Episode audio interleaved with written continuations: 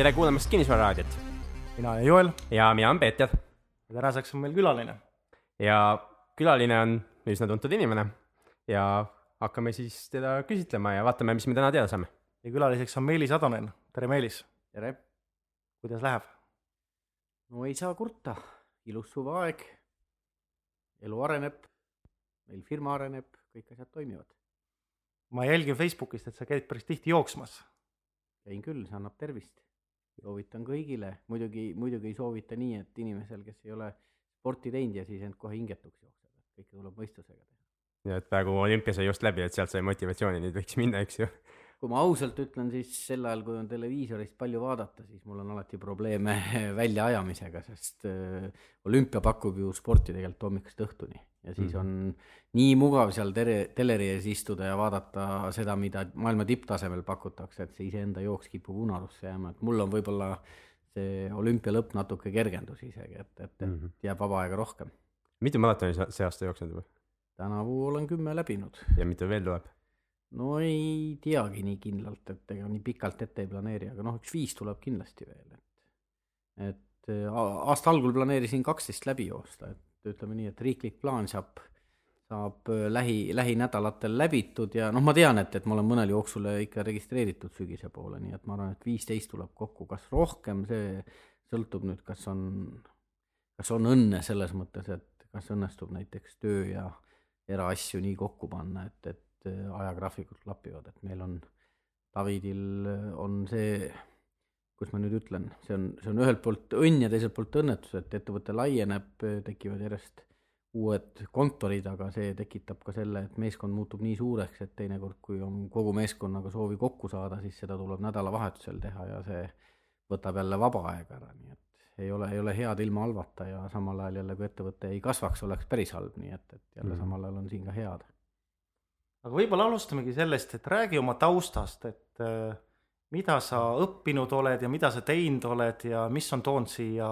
tänasesse päeva sind? no mina, et taust on väga lihtne, et ma olen Viljandist pärit, Viljandis õppinud matemaatika, füüsika erikallakuga klassis ja pärast äh, keskkooli lõpetamist kaheksakümne viiendal aastal läksin alguses Tartusse matemaatikat õppima. no sai üpris kiiresti selgeks, et äh, päris matemaatik ma ei ole. siis õppisin äh, Tallinna pedagoogika, Tallinna Pedagoogilises Instituudis vene keelt ja kirjandust. aga ka see ei olnud päris see eluala, millel ma oleks huvitanud töötamisest, siis hiljem õppisin Humanitaarinstituudis veel sotsioloogiat aga kõik need õpingud sumbusid ühte lihtsasse proosalisse põhjusesse, et eh, kaheksakümnendate lõpp, üheksakümnendate algus oli meeletute võimaluste aeg, ma olin noor mees ja noh, mis seal salata, et näpud sügelesid ja sügelesid eh, täna võib öelda, et ettevõtluse järele, et, et tollal see tundus selline, alustasime ikka täitsa pudukauplemise või sellise väga väikeste asjadega, aga asjad kasvasid, kasvasid järjest suuremaks ja ühel hetkel äh, oli oma ettevõtete elus hoidmisega nii palju tegemist, et enam seda aega, et eh, kuskil koolis käia ei jagunud ja, ja ja tuleb öelda ka seda, et üheks motivaatoriks või motivatsiooni puuduse tekitajaks oli kindlasti ka tollased õppekavad ja, ja nende tasemed ja, ja, ja ja siis eh, aga millega sa tegelesid sel ajal? no erinevate ettevõtetega, et, et nagu alates näiteks?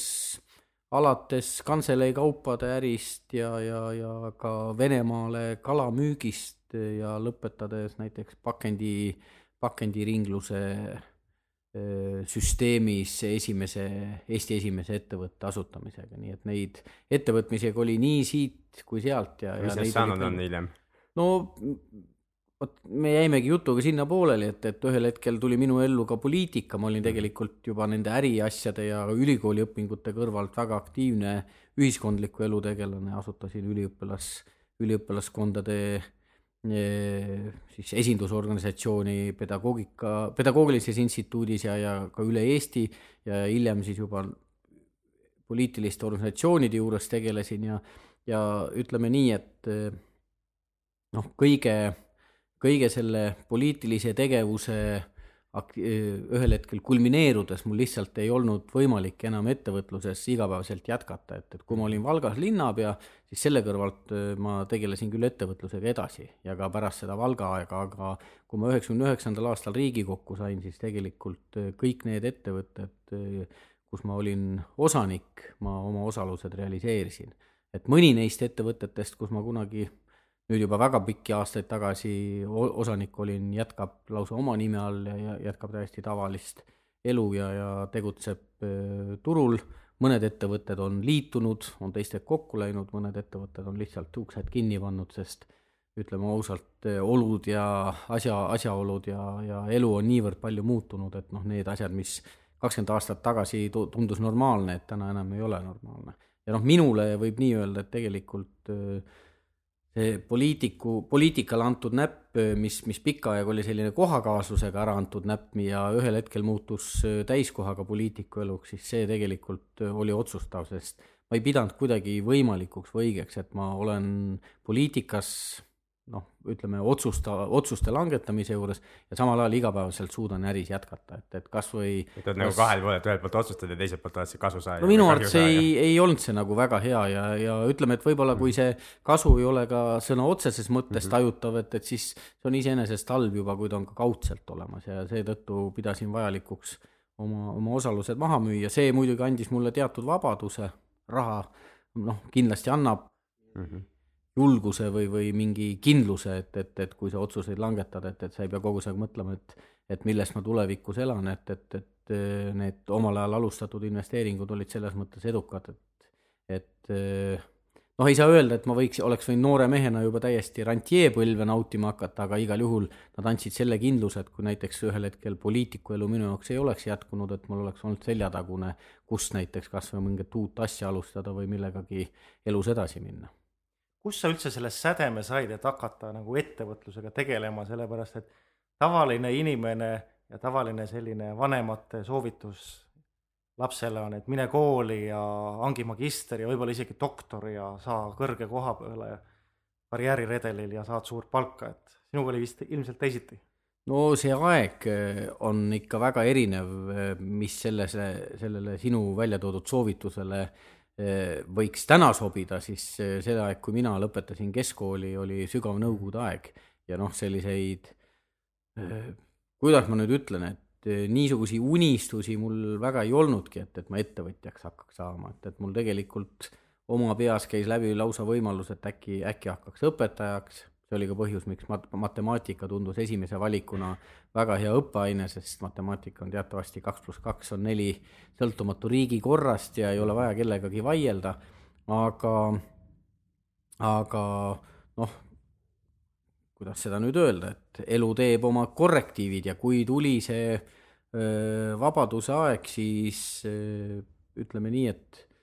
ma ilmselt ei olnud päris esimeses laines äh, tegija, aga iseenesest tuli selline väike spekuleerimine, kui ma nii võin öelda, et, et äh, ma ei, ma ei julge küll öelda, et esimeste tehingutega, mis ma oma elus äh, raha tegin, et ma juba mõtlesin, et oh, nüüd ma olen ettevõtja või ma hakkan ettevõtjaks, et tegelikult tulid need ka tollase süsteemi ebaloogilisusest, näiteks valuutatehingud olid keelatud, samal ajal ma pidin eh, Soome vahet päris palju käima, seal oli askeldamist, selle tõttu puutusin kokku sellega, et, et valuutaturg on, üks asi on see turg, mis on Väliskaubanduspanga filiaalis ja teine asi on see, mis on tänava peal. Ja noh, kõiki selliseid asju ära kasutades eh, ma julgen nii öelda, et ma hakkasin spekuleerima ja, ja, ja mis seal salata, üks spekuleerimise erivorm oli ka see, et eh, toi-, toidu, toiduainete ja ka alkoholi jagamisel olid talongid, mingil hetkel oli mul kole palju alkoholi käes no mida sa teed kaubaga, mida sul on palju käes, hakkad teda realiseerima ja jällegi, et ma ei mõelnud, et ma olen nüüd mingi alkoholikaupmees, vaid see tuli iseenesest ja, ja ka need äripakkumised tulid juhuslikult, et ühel hetkel oli üks sõber, kellel olid öö, väljamaal tuttavad, ta tahtis, et, et kas minul on tuttavaid, kes Vene turgu teaksid, kuna ma ise Vene inimestega väga palju olin nooruses nii spordi kui ka muudel põhjustel kokku puutunud, siis seal tekkisid kontaktid, need kontaktid viisid ette, sõna otseses mõttes ettevõtluseni ja ettevõtte tegemiseni. hiljem siin sõpradega tekkis jällegi sellest meie ühiskonna noorusest tingituna ming-, mitmeid olukordi, kus lihtsalt noh, tekkis vajadus, et, et mingi teenus või mingi asi on puudu ja siis seda, et seda asja lahendada, me hakkasime ise, ise midagi tegema ja noh, ütleme nii, et, et lõppkokkuvõttes tänastel noortel kindlasti ei maksa unistada, et neil on võimalik peaaegu kõigega tegeleda, et, et täna on kindlasti turg palju rohkem hõivatud ja, ja noorte valikuvabadus on väiksem, aga samal ajal ma arvan, on ka võimalus selliseks spetsialiseerumiseks palju suurem, et noh, minu ajal oli tõesti nii, et mees võis tegeleda peaaegu kõigega ja, ja samal ajal mitte millegagi. samal ajal vist negatiivne pool oli see, et see õigusruum oli suht ebastabiilne sel ajal vist oli, aga tuleb ka tunnistada, et eh, päris üheksakümnendate algus ja, ja, ja kuni ma ütleksin päris keskpaigani see õigusruum oli ka selline, et eh, ega ta nüüd üle mõistuse palju ei takistanud, et, et noh, teatud bürokraatilised eh, takistused tuli lahendada, aga noh, näiteks tolli, tolliasutustes asju ajades absoluutselt mitte ametnikele midagi ette heites, ütlen, et tollal suure mõjuvõimuga relvad olid lilled ja näiteks šampusepudel ja, ja kui sa inimestega viisakalt suhtlesid, siis kõik takistused sai ületatud, kui sa ei tegelenud muidu, muidugi millegi illegaalsega. noh, kuidas ma ütlen jah, et sellise silmatorkavalt illegaalsega, et noh, et, et mingid pisivead või pisiapsud noh, mu enda eluski on olukord, kus näiteks me tõime Panevežise tehasest mida siin sõpradega kunagi isegi korra käis mõte läbi, et võiks erastada, et, et tõime kiirköitjaid Delogaani, tõime Eestisse sada tuhat tükki ja noh, sealt autoga tulime ja suur veoauto oli neid kiirköitjaid täis ja noh, igaüks võib ette kujutada, et sada tuhat ongi umbes autokoorem, aga siis, kui tollist läbi tulime, seal tollis olid noh, natuke mehed juba tuttavad ka ja rääkisime, tegime natuke nalja, siis Tallinna jõudes avastasin, et deklaratsiooni oli märgitud ainult sada kiirköitjat, et noh, ütleme suur, suur kamassveoauto tundub küll ajuvaba, eks ju, aga siis tükk aega piinlesin, et, et ei tea, et kas peaks kuskile pöörduma või mitte, sest noh, pöördumine tähendab palju bürokraatiat ja samal ajal kasu ta ei tähenda selle tõttu, et sa oled ju kauba juba üle piiri ära saanud ja et noh, et selliseid näiteid oli ka, aga üldiselt mina pean ütlema, et mul ei et vähemalt sellest üheksakümnendate alguse ruumist mulle tundub, et kui sa ise olid inimene, siis sinu vastas olid ka inimesed, et noh, et. ma arvan, et see kehtib täna ka samamoodi, et kui sa suhtled normaalselt inimestega ja saad hästi läbi, siis asjad lähevad lihtsamalt ja kiiremini ja. jah, ma arvan, et see, see on üldse elus väga oluline põhimõte, et kui sa inimene, kui sa ise oled normaalne inimene, inimestega meeldivalt suhtled, siis asjad lahenevad, kui sa hakkad ise mingeid, ma ei oska öelda, poose võtma ja mingeid asju väga teravalt ajama, siis ka vastaspool muutub samasuguseks ja lõppude mm. lõpuks see kasu ei too. aga selge on see, et maailm on läinud tänasel päeval palju formaalsemaks, kui me Eestit võtame mm, -hmm. siis ta on läinud tunduvalt formaalsemaks kui näiteks viisteist, kakskümmend aastat tagasi, sest noh, seadused on täpsemad, maailm või, või kogu tegevus on rohkem kontrollitud, noh, üle piiri või, või ütleme, see piiril asjade täitmine on kõik internetis palju äh, punktuaalsem, palju selles mõttes vähem loomingulisem kui tollal, et tollal ikkagi mäletan ise tihtipeale mõtlesime välja, et millise koodi me paneme sellele kaubale ja siis tolliametnik ütles, ah, paneme selle, et sellega on jamamist vähem ja läheb lihtsamalt ja, ja see, need ei olnudki mingid petmised, need olid lihtsalt sellised, kuidas ma ütlen klienditeenindus. kahe vahel olevad olukorrad, kus yeah. inimene, kellega sa olid alati hästi suhelnud, otsis lahendust, et, et kuidas see probleem nii lahendada, et kellelgi jama ei tekiks ja, ja mul, mul nagu jah, ei ole isiklikult Eesti poolel väga palju selliseid halbu, halbu näiteid, kindlasti on üksikuid eksesse, aga noh, kui sa oled ma ei tea, piirilt kaupa üle toonud sadu ja sadu kordi ja siis sul on võib-olla kogu selle aja jooksul näiteks kaks eksessi olnud, siis noh, on väga närune hakata neid kahte mingi näitena üldse välja tooma selle tõttu, et noh, midagi ikka juhtub, see on alati tavaline. aga see üheksakümnendatel nagu oli ka seda kauboikapitalismi ja, ja, ja, ja kuritegevust ja muid asju, eks ju, käidi ka mingi relvaga ringi, võeti mingeid ettevõtteid üle, eks sa sellega ka kokku puutusid või kuidagi sinna, sinna nagu ei, ei sattunud? ma nägin, ma nägin küll väga imelikke protsesse teinekord, aga mulle tundub, et äh, jällegi selle, selle ajastu iseloomustamiseks on ka selline lause, et kui sa ise mingeid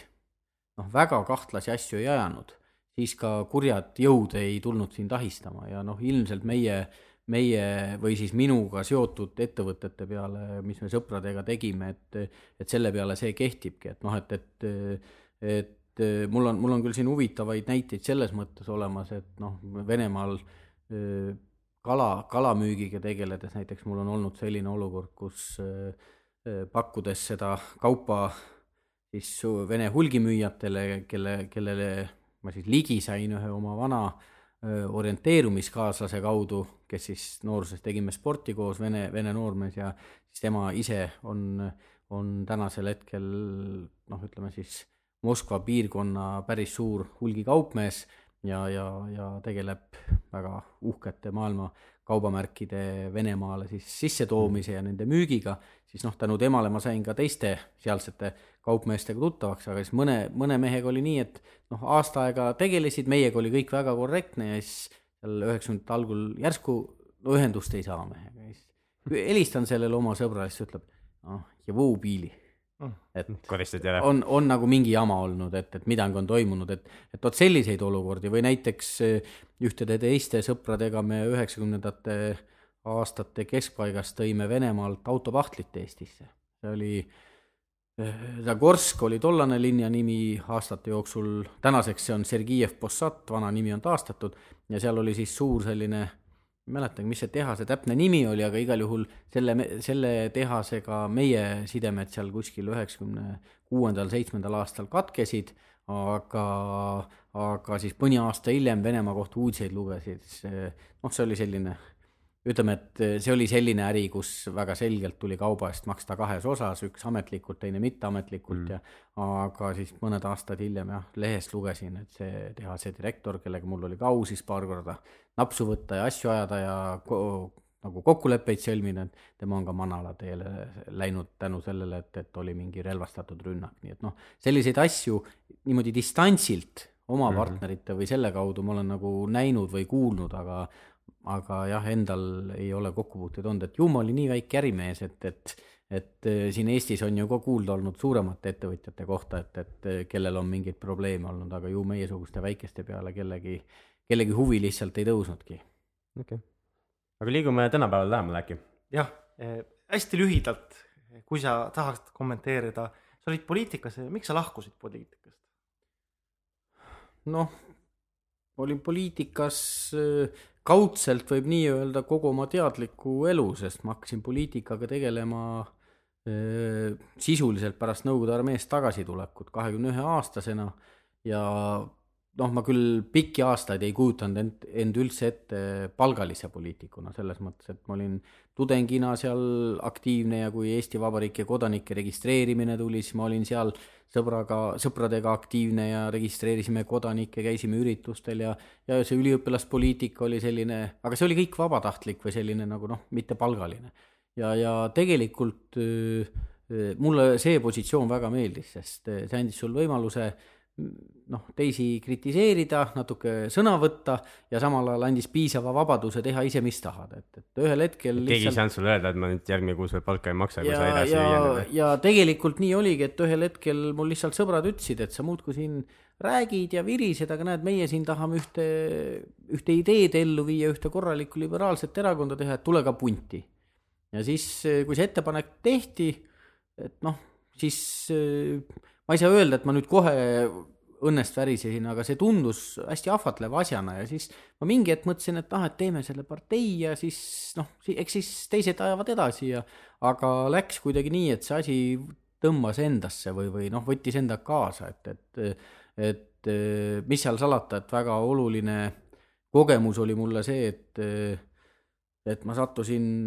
ühte meeskonda Siim Kallasega, et tõeliselt tõsiselt huvitav inimene, et inimene, kes eh, oskab,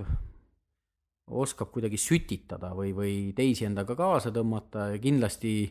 kindlasti temaga ühes meeskonnas olek oli see, mis mind nagu hoidis, hoidis poliitika juures üldse nii kaua, et, et, et noh, et tõesti need ideed ja, ja nägemused, mida läbi tema või siis tema kaasabil sai propageeritud, et, et noh, neid, neid, mulle tundus tol hetkel, et ise peab protsessis sees olema, et muidu need asjad ei toimi liiga hästi. Ja ja nii ma tegelikult sattusin poliitikasse, noh, ütleme lõpliku põntsu pani see, kui ma sain äh, Valgas linnapeaks, sest äh, äh, noh, see oli, see, see oli väga huvitav töö, et, et noh, mina julgen küll öelda, et väikese linna juhtimine on, või noh, Valga ei olegi Eesti mõistes võib-olla nii väike, et ta on maailma mastaabis väike, aga selle linna juhtimine on ka nagu ettevõtte juhtimine. jah, sa ei saa mõelda kasumile, aga tegelikult sa pead ikka efektiivselt protsesse juhtima, sa pead vaatama, et kõik asjad tehtud saavad, linnal on omad ülesanded, et kõik need tööd tehtud on, ega see tegelikult ei erine ettevõtte juhtimisest ja mulle, mulle see töö, see võib öelda, et see võib-olla oli mul elu kõige huvitavam töö, et, et äh, Valga linn on ka nii piisavalt väike, et linnapea nägi algusest lõpuni kõik. ja noh, selle kaudu ma sain ka natuke tuntumaks ja sealtkaudu võib öelda, et, et ma andsin nüüd selle kutselise sõrme juba ikkagi poliitikale ja noh, hiljem kui üheksakümne üheksandal aastal mind Riigikokku valiti, siis nagu see läks iseenesest ja ütleme, et siis kuskil kahe tuhande kuuendaks aastaks ma olin Eesti poliitikas, noh, võib öelda, et peaaegu kõik saavutanud, ma olin minister olnud, erakonna aseesimees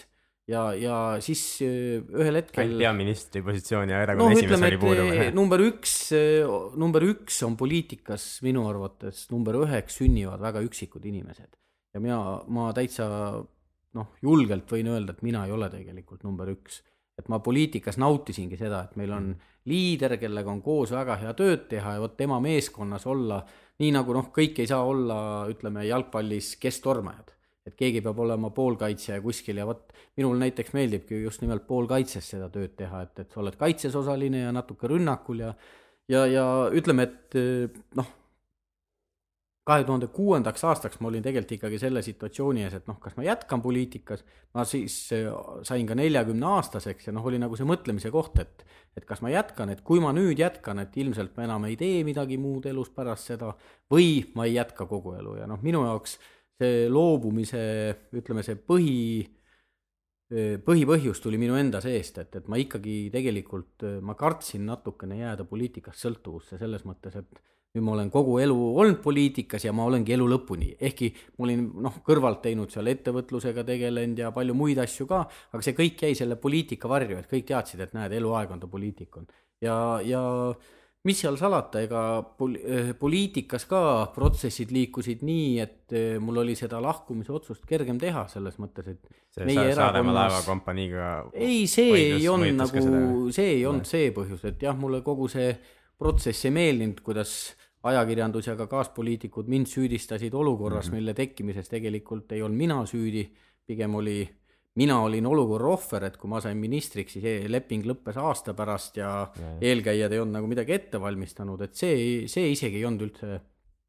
kuidas ma ütlen, nagu otsuses kaasa ei mänginud, aga mängis see, et erakonna liider Siim Kallas oli lahkunud, mina olin alati Siimu ma julgen seda siiamaani öelda, et mina olin Siim Kallase mees. mul ei ole ka ühegi teise võimaliku partei juhiga mingeid konflikte olnud, aga mind sidus nagu erakonnas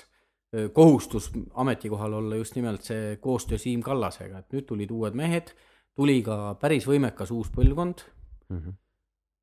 ja tuli ka natuke teistmoodi poliitiline mõtlemine, et minu jaoks oli poliitika alati nagu minu enda arvates õigema otsuse langetamise kunst aga siis tuli selline kunst poliitikasse, et hakkame langetama neid otsuseid, mis on teinekord populaarsemad. ja, ja noh, mulle, mulle, ma nagu sellest ei saanud aru ja noh, tuli ka poliitikasse selline suhtumine, et, et raha on meil peaaegu piiramatult, et lubame ja jagame ja teeme ja noh, jällegi mulle see ei meeldinud, et õnneks sellele tendentsile pani nüüd see maailmas vohav võlakriis piltlikult öeldes pidurid peale ja see väga ohtlik asi noh, vajus ära, aga, aga kõik need asjad kokku pannes, et noh, et kõige suurem ikkagi see, et ma isiklikult tahtsin midagi muud teha ja, ja mul oli nagu täiesti kindel nägemus, mida ma teha tahaks ja, ja, ja, ja, ja et, et see oli kõige olulisem, aga need muud asjad eh, nagu toetasid kogu seda mõtet ja noh, see, ma peaks küll ütlema, et, et minu jaoks see lahkumise otsus oli tegelikult väga kerge, et, et, et eh, ma ei ole viimase noh, ütleme sellest otsusest on möödas nüüd vii-, üle viie ja poole aasta, et peaaegu kuus aastat, et ma ei ole ühtegi korda mõelnud, et oi, mis ma tegin, et miks ma, miks ma tegin, et, et selles mõttes, et inimene, inimene peab suutma mõnikord sellest eh, välja kujunenud rutiinist välja murdma ja midagi teistmoodi tegema. Aga kui sa ütlesid, et see poliitiline nagu arusaam muutus natukene, kas see võib olla tingitud ka sellest, et kui siin, sa ütlesid, et sa tegid otsuseid nagu sellest, mis sulle tundus õige, eks ju ja sul oli alati sellest ettevõtluskogemusest, eks ju, see selja tagu on olemas, et sa teadsid, et noh, et kui inimestele nagu ei meeldi see, et siis mul on midagi muud ka teha. aga et mis mulle endale tundub nagu, et on uus see poliitiline põlvkond peale tulnud, kes ainuk, ainuke asi, mis nad teha oskavad, ongi poliitika. ja siis, kui inimesed nagu neid tagasi valivad, siis, siis nad võib-olla kardavad nagu umbes töötust või, või tegevusetust. ma pean ja. neid vist kaitsma natuke, sest ma arvan, et see ei ole põhiargument, et ma arvan, et mm -hmm. põhiargument on see, et poliitikas keegi ei taha kaotada. Ja, ja selleks, et noh, poliitikas edu märk on ikkagi see, et sa oled võimu juures, mitte see, et sa istud sügavalt opositsioonis aastaid ja aastaid ja pigem on see, mis nagu järjest rohkem lubama nagu surus, on see, et, et noh, taheti olla võimu juures. ma ei -hmm. arva, et noh, ainult sellepärast, et endale töö kindlustada, sest selle noorema põlvkonna tegijate hulgas, et et kes on ka küll juba noh, ütleme professionaalid selles mõttes, et nad väga palju muud ei ole teinud, on ka kindlasti sellised inimesed, et kui nad tööjõuturule lähevad, nad saavad väga hästi hakkama aga, aga pigem on see, et, et iga hinna eest soov jätkata võitjana ja mm -hmm. usk, et noh, et, et kui sa lubad ilusaid asju, et siis see tagab selle võidu. mina arvan, et eh, inimesed eh, tegelikult saavad protsessidest palju laiemalt aru, noh, ka see niinimetatud tavavalija ja selle tõttu, et kui sa teed ka ebapopulaarseid asju, aga seda suudad kirjeldada, et miks sa seda tegid, siis tegelikult inimesed valivad ka neid tagasi ja ma arvan, et siin pigem on see mõtlemise muutus, et noh, et, et me peame lubama pensionitõusu, lubama selle toetuse tõusu, lubama mingit hüvitist ja seda, et see ainult tagab nagu edu, et, et noh, et. see oleks, oleks justkui nagu eeldus, et, et inimene mõt-, on hakanud mõtle-, inimene või see valija on hakanud mõtlema niisuguse primitiivsemal tasemel ja siis me anname nagu toetust ja siis ta valib ja, ja, ja kui me teeme mingeid niisuguseid nii-öelda õigeid asju, aga mis ei ole populaarsed, et siis ta enam ei vali. jah, see, see nii ongi ja noh, mis siin salata, ega teatud valijad ongi primitiivsed ja see veel, see kõik veel toidab nende, ütleme siis sellele ilusatele lubadustele üles ehitatud poliitika viljelejate noh, nende tegevust, et, et see kõik annab neile alibi, sest tõepoolest on neid inimesi, kes ju valivad ainult ilusate lubaduste järgi ja aga ma veel kord arvan, et see ei ole nii suur, mina arvan, et see ei ole nii suur mass, et nemad otsustaksid, kes tegelikult võimu saab. ja, ja ma arvan, et tuleb ikka sellist noh, ütleme, et poliitiku asi ei ole teha mitte seda, mida rahvas valjul häälel kisades nagu nõuab mm, -hmm. sest tavaliselt ei kisa kunagi enamus ja ei kisa kõige targemad, vaid kisavad teatud teist sorti inimesed, vaid poliitiku arva-, kohustus on langetada neid otsuseid, mida ta õigeks ise peab. ja kui nii läheb, siis ma arvan, et otsused ongi valdavalt õiged. kui sa võtaksid kõikid, kõik poliitikud ja kõik nii-öelda Eesti praegu valitsuse ja kõik otsused, mis on tehtud eh, peale seda, kui sa oled läinud, eh, millise viiepallisüsteemis, millise hinde sa annaksid? No ega Eestis tuleb, kui Eestis poliitikat hinnata, tuleb realistiks jääda, hinnata taustsüsteeme, et taust, taustsüsteem on see, et me võrdleme teiste valitsuste ja teiste riikidega. ja noh, siin selles võrdluses ma annaks Eestile kindlasti viiepallisüsteemis viie. et kui me võtame nii, et ideaaliga võrdleme et kuidas Eesti oleks võinud käituda võrreldes sellega, kuidas me käitusime, siis ma arvan, et me ei ole viite väärt, et siis võib-olla kas neli miinus või kolm pluss, et see on selline kesk, noh, ütleme kõva koolipoisi tase, aga aga kindlasti mitte viis, aga jah, kõik on, sõltub taustsüsteemist, et kui nüüd Eestit võrrelda Kreekaga, siis peaks viiepallisüsteemis kümme andma Eestit võrrelda kas või Saksamaa või, või noh, ütleme Prantsusmaaga, siis peaks ka kaheksa veel andma, Saksamaaga võib-olla viiest viis, eks ju, Eestile andma või tegelikult ka isegi rohkem. Aga jällegi, et alati tuleb enda ide-, ennast mitte teistega võrrelda, vaid ideaaliga, ma arvan, et siin meil on, et noh, meil on, on asju, mis ei ole kõige paremini läinud, aga, aga eks see Eesti kuidas ma nüüd ütlen, et täna valivad, valitsevate poliitikute õnnetus on ka see, et nad ei ole ju kogu see aeg üksi saanud valitseda, et noh, võib-olla kui näiteks Reformierakond või, või võtame mingi teise erakonna kõrvale, kas või Keskerakond või sotsiaaldemokraadid oleks saanud täiesti üksi valida, siis ma arvan, et nad kõik oleksid tänasest erineva valinud, et see tänane on pigem mingi kokkulepe, eks ju, et, et mingil hetkel oli kaks, oli kolm parteid võimul, noh, selge on see, et kolme vahelt pidi kompromissi leidma, nüüd on kaks tükki, sealt peab midagi leidma, nii et noh, selles mõttes, selles mõttes noh ei, ei saa nagu oma hinnangutes liiga kriitiline olla, aga noh, kui, kui, kui ma seda hinnet põhjendaks, et miks ma, et noh, võrdluses teistega siin ei ole midagi põhjendada, siin ma arvan, saavad kõik aru. aga et noh, iseenda ideaaliga võrreldes ma arvan, et me ikkagi Eestis oleme öö, liiga palju rahul tehtuga. Ja, ja jällegi on kurioosne olukord, et iseenesest tulebki rahul olla, sest me oleme hästi teinud, aga see rahulolu võtab meilt natuke julgust või sellist teravust tulevikust maha ja see on minu arvates Eesti kõige suurem mure, et tegelikult eh, noh, Eesti maksupoliitika on suhteliselt ettevõtlussõbralik, aga kui vaadata näiteks uusi Euroopa Liidu riike, kas või Bulgaariat, noh, kus me ise praegu tegutseme, siis me näeme juba, millised eelised on sealsel poliitikal. Ja noh, arvata, et Eesti ja Bulgaaria ei konkureeri Euroopa Liidus millega, millegi suhtes, siis see on eksitus, sest noh, tegelikult juba meil on küll parem positsioon selle tõttu, et meie ümber on Põhjamaad ja noh, meid nähakse sealt paremini ja võib-olla see on meie eelis, aga samal ajal lõpuks leitakse Bulgaaria eelised teiste poolt üles ja siis me oleme juba nagu sabassörkijad natuke või, või mitte enam esirinnas olijad. ja mis on kindlasti tõsine mure, on see, et selle kahekümne aasta jooksul ma julgen öelda, et me, me muutume järjest bürokraatlikumaks ja see on minu arvates Eestis väga suur mure. mind alati hirmutab see, kui ma loen, et keegi kirjutab, et me hakkame kasva, kasvatama ametnike järelkasvu mind, mind see, mind see lihtsalt ehmatab, et, et mind tegelikult eh, ehmatab ka see, kui näiteks Sisekaitseakadeemiast räägitakse, et see on ametniku taimelava. ma saan aru, kui nad kasvatavad noh, jõustruktuuride ametnikke, sellest ma saan küll aru, et seal piirivalves, politseis, nendes asutustes on vaja noh, sisuliselt mundriinimesi, et seal tõesti on eraldi kool, et tavaülikoolist võib-olla päris ei tule selline vabameelne inimene sinna, aga näiteks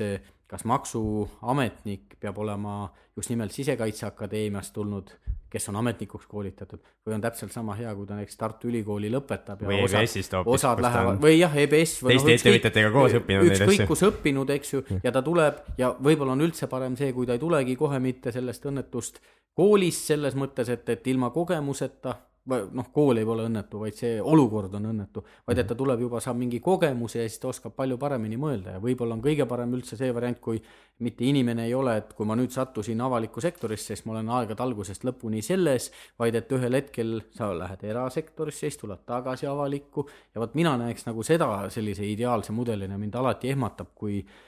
kui see nii ei ole või keegi veel ütleb, et vot me hakkame nüüd ametnikule oma keskkonda looma, et see on väga suur ohtlik väga suur viga ja väga ohtlik selle tõttu, et niimoodi see kapseldumine ja noh, piltlikult öeldes bürokraatliku tõkke ehitamine toimub, sest noh, Maksuametis või, või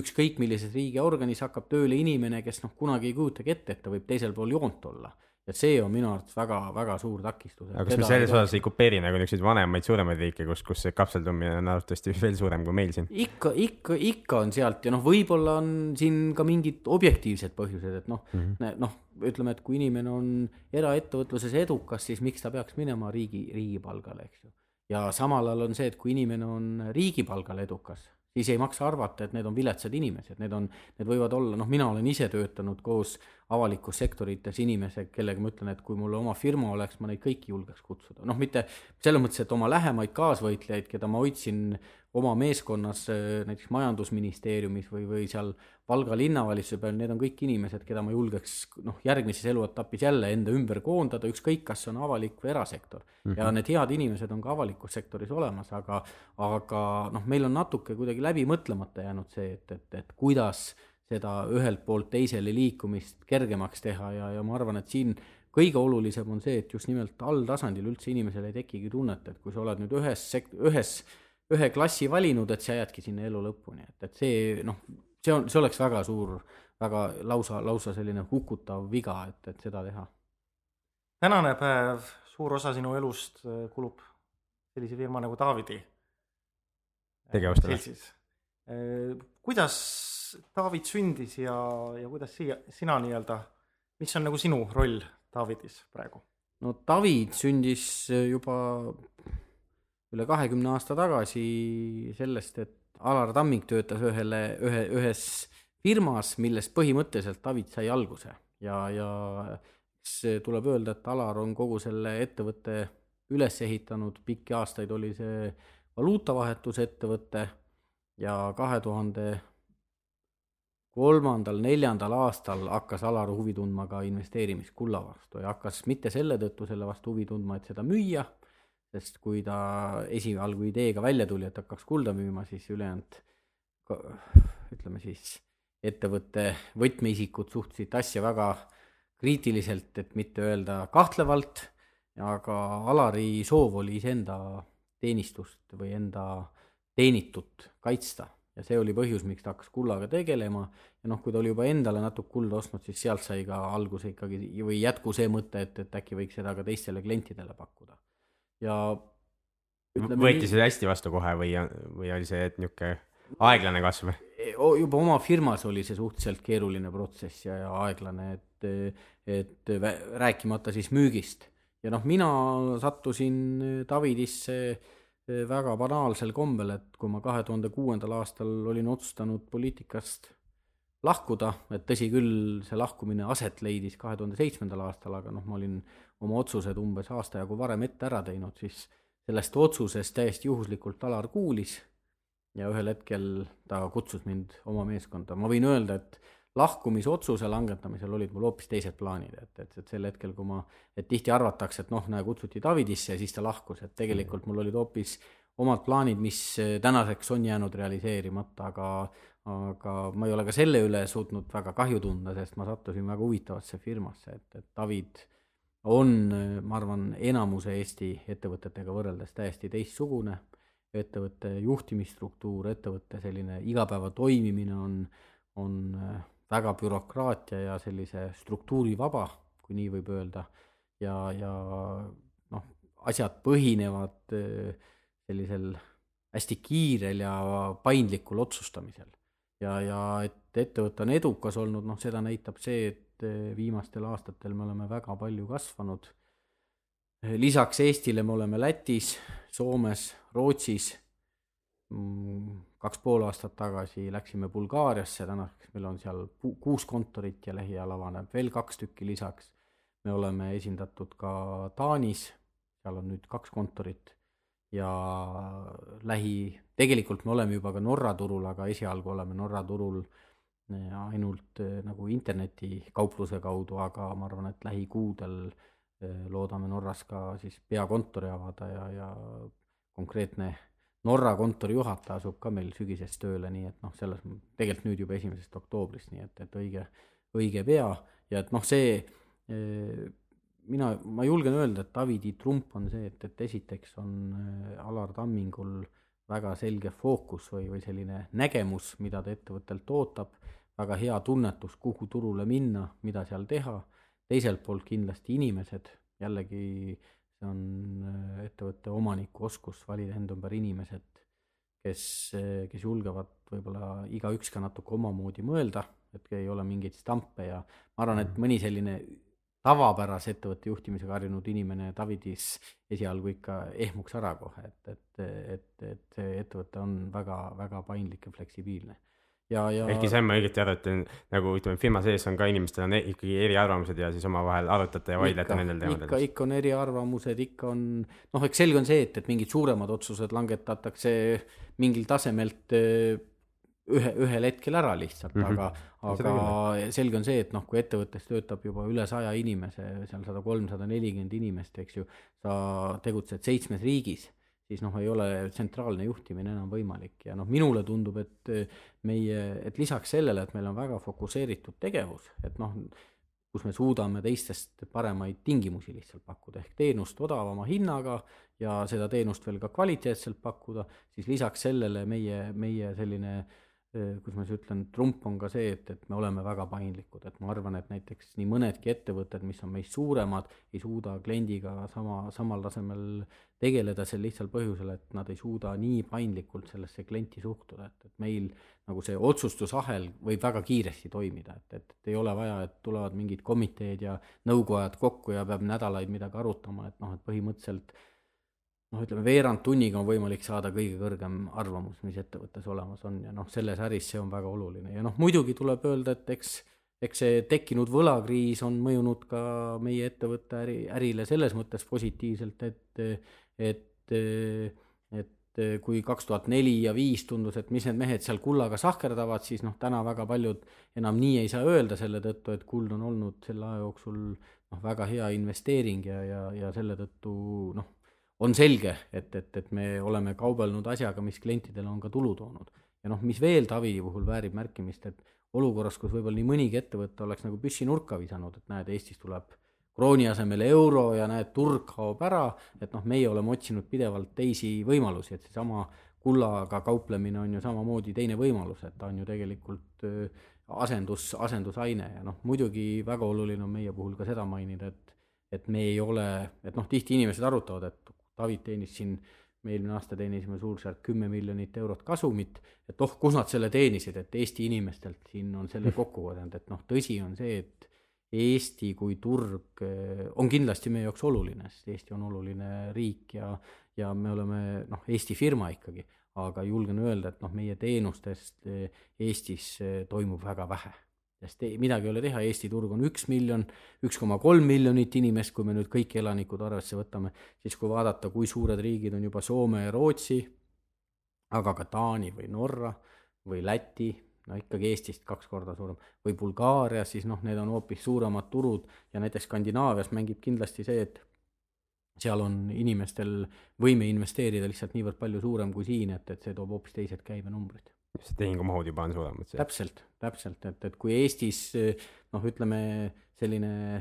üks tuhat, kaks tuhat eurot on ka väga tihti väga normaalne ost investeeringuks, siis seal tihtipeale need algus, algused algavad kuskilt viiest-kuuest untsist, mitte ühest untsist nagu Eestis mm. -hmm. me räägime kullast või hõbedast? kullast oli kullast. see jah, et, et noh, hõbeda puhul hõbe viis-kuus untsi nagu hõbeda puhul peab piinlikkusega ütlema, et, et ikkagi Euroopas on väga selge takistus see, et kui kullale kui investeerimistootele on tehtud käibemaksuvabastus täielik, siis hõbedal seda üle-euroopaliselt ei ole, erinevates riikides on erinevad seadusandlikud võimalused ja noh, see ilmselgelt ütleme siis hõbida, hõbeda promomist välistab või noh, mitte ei välista, vaid noh, nagu vähendab, et, et mm., et hõbedat noh, on alles siin üks päev oli üks klient, kes ütles, et jah, et ta on aru saanud, et hõbe, hõbeda hind kasvab ühel hetkel närvilisel hetkel palju kiiremini kui kullal, eks ju, ja see kindlasti on tema pluss, aga ikkagi, kui esimesel müügihetkel see inimesed võtavad lihtsalt kakskümmend protsenti õhku hinnast maha, siis see on väga noh, ei, ei mõju tootele hästi. meie Peetriga mõlemad oleme, kuidas ma ütlen, positiivselt väärismetallidesse suhtuvad inimesed, aga äh, ma ei oska öelda, kas osad või paljud, aga osad inimesed räägivad, et nad ei saa aru sellest, et kui on kriisiaeg, siis eks ole, sa hõbedat või kulda süüa ei saa, eks ole, aga raha eest saad toitu osta. et kas sa võiksid lühidalt lahti seletada, et miks väärismetallid, kuld või hõbe, on sinu arust äh, praegusel hetkel hea koht paigutada raha? noh, tegelikult me, me oleme nii, nii hilja maailma sündinud, et siin uusi asju ei avasta, et tegelikult on kõige lihtsam vaadata ajalukku. ja kui nüüd äh, päris aus olla, siis see võlakriis ei ole ka maailmas mitte midagi uut. sest tegelikult, kui raha kujunemist jälgida, siis mingi hoomatava äh, ajaloolise välpe või, või aja jooksul on alati rahareformid toimunud, rahamuutused toimunud. no Eestit ei hakka siin üldse näiteks võtma, sest noh, meie oleme, me, meie oleme tõeliselt traagiline riik selle koha pealt, et meil ei ole siin ei saa mingist poolest sajandist raha püsimisena rääkidagi, eks ju, et Nõukogude, Nõukogude raha on vaata et kõige kauem püsinud, aga mm, -hmm. aga kui vaadata nüüd täiesti selliseid normaalseid riike, siis seal ka ikkagi on näha, et, et noh, raha ühe väärtusena, ühe, ühe suurusena, no ei püsi väga pikka aega, et ikkagi tulevad vahele, ma ei räägi siin sõdadest ega, ega sellistest äh, riigikorra muutustest, vaid tulevad vahele puhttehnilised probleemid ja need on tingitud jälle sellest, et rahasüsteem ei ole millegi, mingil põhjusel usaldusväärne. Ja ega võlakriis ei ole mitte midagi muud, et on sama asi, et, et rahasüsteem oli üles ehitatud teatud usaldusel, selle usalduse lubajad on seda usaldust rikkunud ja selle tõttu on inimestel täna ebakindlus ja ebakindlus sellele, et nad on midagi, kuidas ma ütlen, teeninud, kõrvale pannud ja nad kardavad sellest ilma jääda. ja kui nüüd ajaloos vaadata, et noh, et mis sellistel hetkedel on aidanud raha väärtust säilitada, siis ega kuld või hõbe ei ole ainsad asjad, aga need on olnud ühed asjad, mis on aidanud seda väga edukalt teha. ja noh, ega samamoodi kinnisvara, võta siin kõik sellised tööstusharud, mis on võimelised piltlikult öeldes naturaalmajanduslikel põhimõttel tegutsema, ehk siis osta-müü-vaheta, eks ju, et, et ka põllumajanduslik tootmine või sellised mhm. asjad, need on kõik olnud sellised väärtuse, väärtuse head kaitsjad ja noh, kuld ja hõbe on täpselt samasugune investeerimis võimalus siis nagu kinnisvara või, või näiteks ma ei tea, oma maatüki hoidmine, et oma perele ka närvilisel hetkel toit garanteerida ja selles mõttes, mis nüüd eristab kulda teistest, on see, või hõbedat, on see, et eh, teda on võimalik väga väikeste osadena realiseerida. et noh, tihtipeale võib tekkida see olukord, et eh, näiteks mul on neljatoaline korter, tühjalt seisab või noh, ütleme täna on mul rentnik sees, aga ühel hetkel teda ei ole näiteks ja ma tahan müüa, aga siis selle müügiprotsess võib olla natukene aeglustatud sellel lihtsal põhjusel, et noh, et näiteks kas vastas inimestel ei ole raha, et osta või midagi sellist, siis kulla puhul on see, et, et noh, et, et seda, et kulda üldse realiseerida ei suudeta, nagu noh, mina maailma ajaloos sisuliselt ei ole leidnud, jah, on keelud on, aga sellised keelud on omamoodi dopinguna mõjunud kullale, sest noh, see hangeldamine on muutunud selle tagajärjel mustalmaal turul veel äh, kallima hingaga tege-, kallima hinnaga tegevuseks ja lõppkokkuvõttes see on, see on isegi ütleme sellele omanikule positiivselt mõjunud, et et minu arvates see on nagu kõige olulisem näide ja noh, ütleme viimased kümme aastat, kui nüüd vaadata, et, et on seda ka näidanud, et tihti jah, öeldakse vahel, et jaa, et aga vaata, enne viimast kümmet aastat, kakskümmend aastat kulla hind nagu noh, et sellega ei teeninud midagi. aga see ongi oluline asi, et kuld ei ole stabiilsete ja kindlate aegade investeering sest siis, kui lubadused peavad ja süsteem toimib, siis nagu noh, siis, siis inimesed ei lähe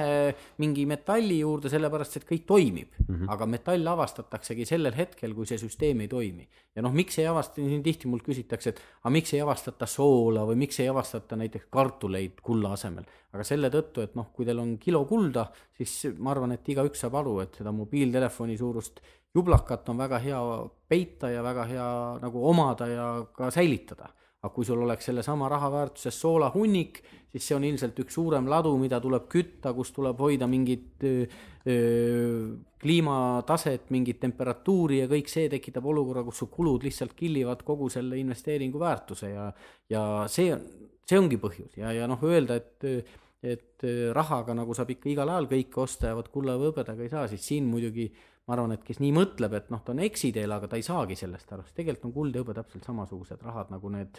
need valitsuste poolt välja antud rahad, ainult selle vahega, et nad ei ole valitsuste poolt välja antud, et nende usaldust ei saa kõigutada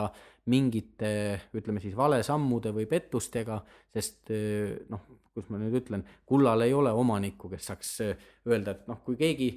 kulla hind kindlasti väheneks drastiliseks, kui kõik teaksid, et kulda on olemas maailmas näiteks teatud kogus, aga teda tegelikult oleks viis korda rohkem mm. -hmm. kulla hind raudselt väheneks. aga paraku on nii, et see info on nii avalik, et kõik teavad, et siin ei ole pettust. aga see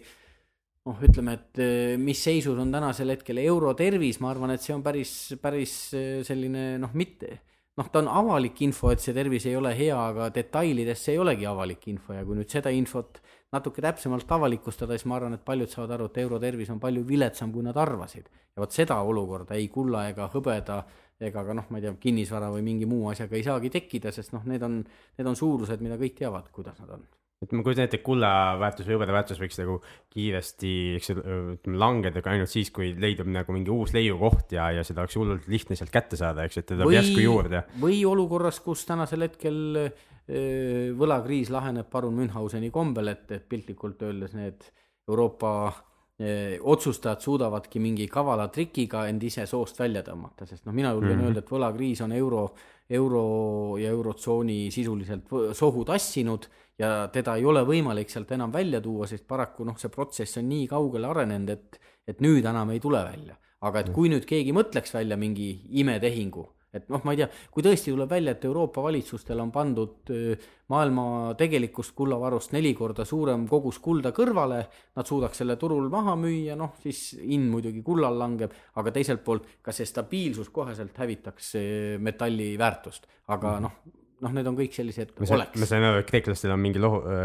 lootus praegu, et kusagil nende ranniku lähedal õnnestub äkki naftat leida. jah, no sellised, noh, need ongi juba natuke sellised, kuidas ma nüüd ütlen, et asi hakkab naeruväärseks minema, et, et noh, kõik juba evivad mingeid mitte, mitte, mittereaalseid lootusi, et no mina võrdleks seda olukorda, ma olin kah noor poiss ja ehk siis nooruses ju oli ikka paremaid ja halvemaid aegu, et, et ma tegin sporti ja kui ma ilusasti korralikult valmistusin võistluseks, ma läksin võistlusele ja siis ma noh, teadsin umbes, mida ma oodata võin, sest olid trenni teinud, mingid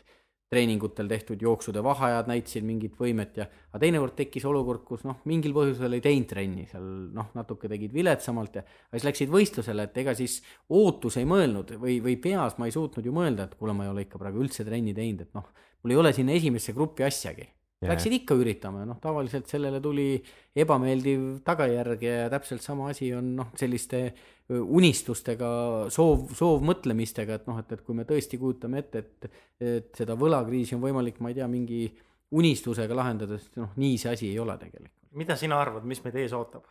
majanduses? no ma olen seda väga pikka aega juba rääkinud, et, et minu arvates üks kolm aastat tagasi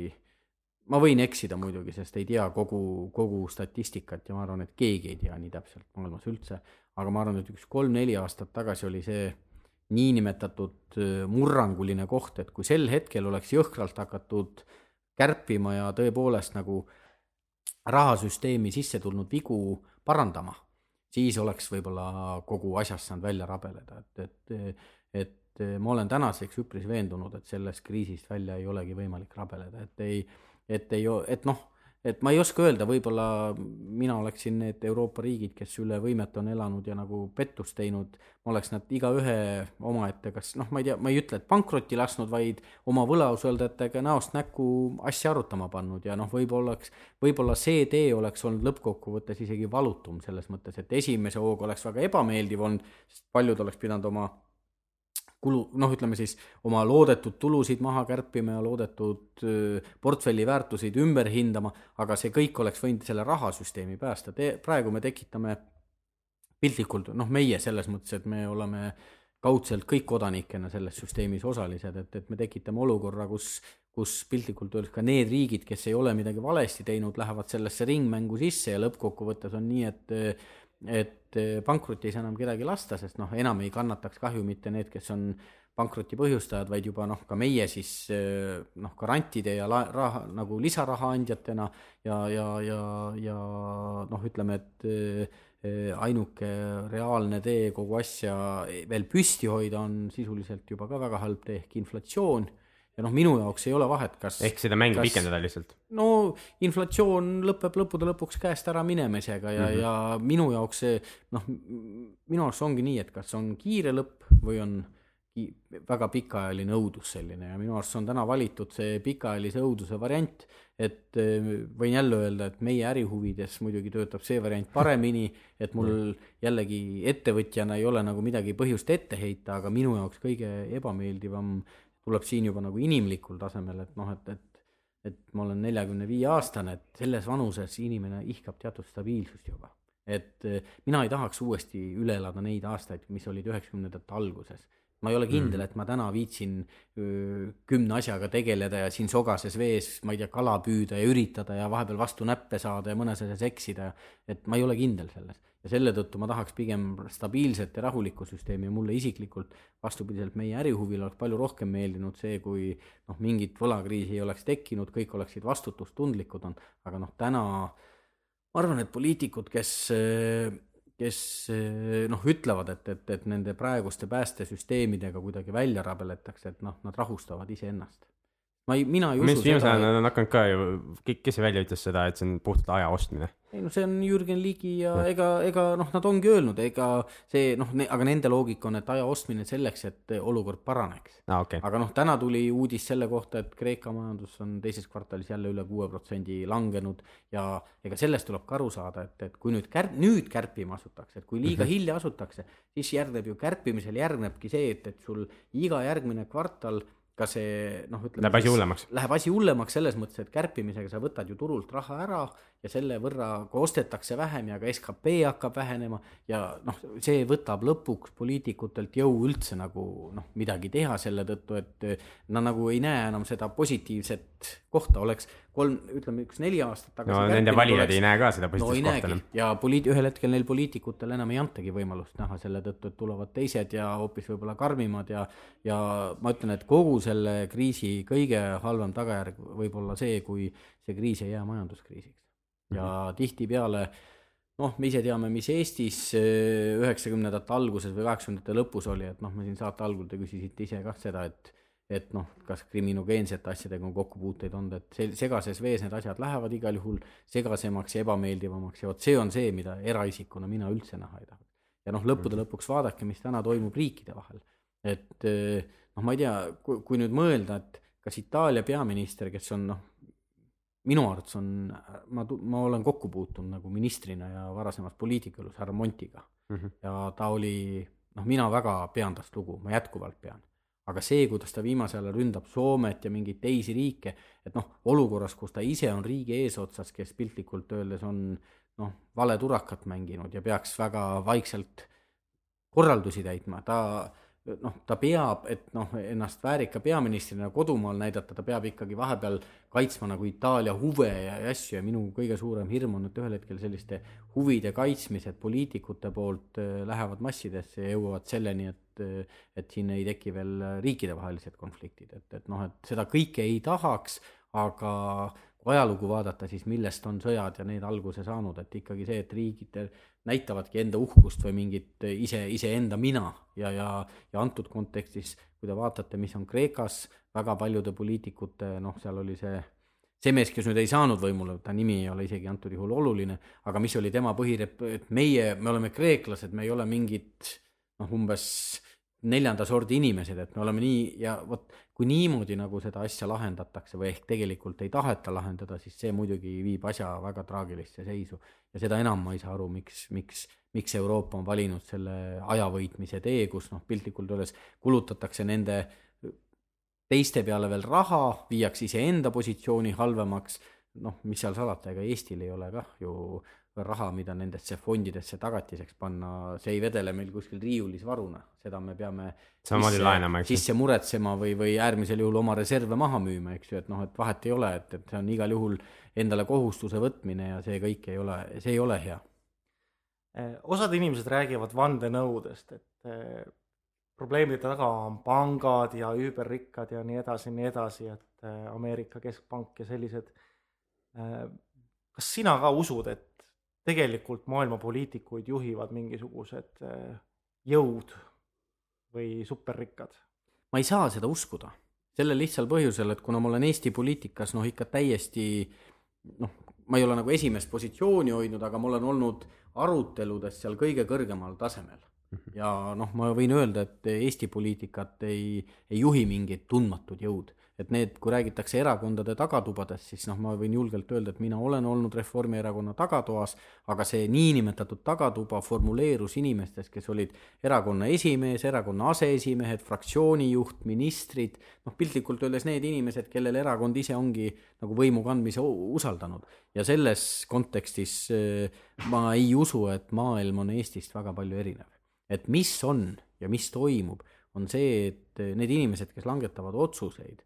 nad eh, noh, lähtuvad mingitest eeldustest, mingitest nägemustest ja, ja kindlasti noh, esimene asi on see, et, et eh,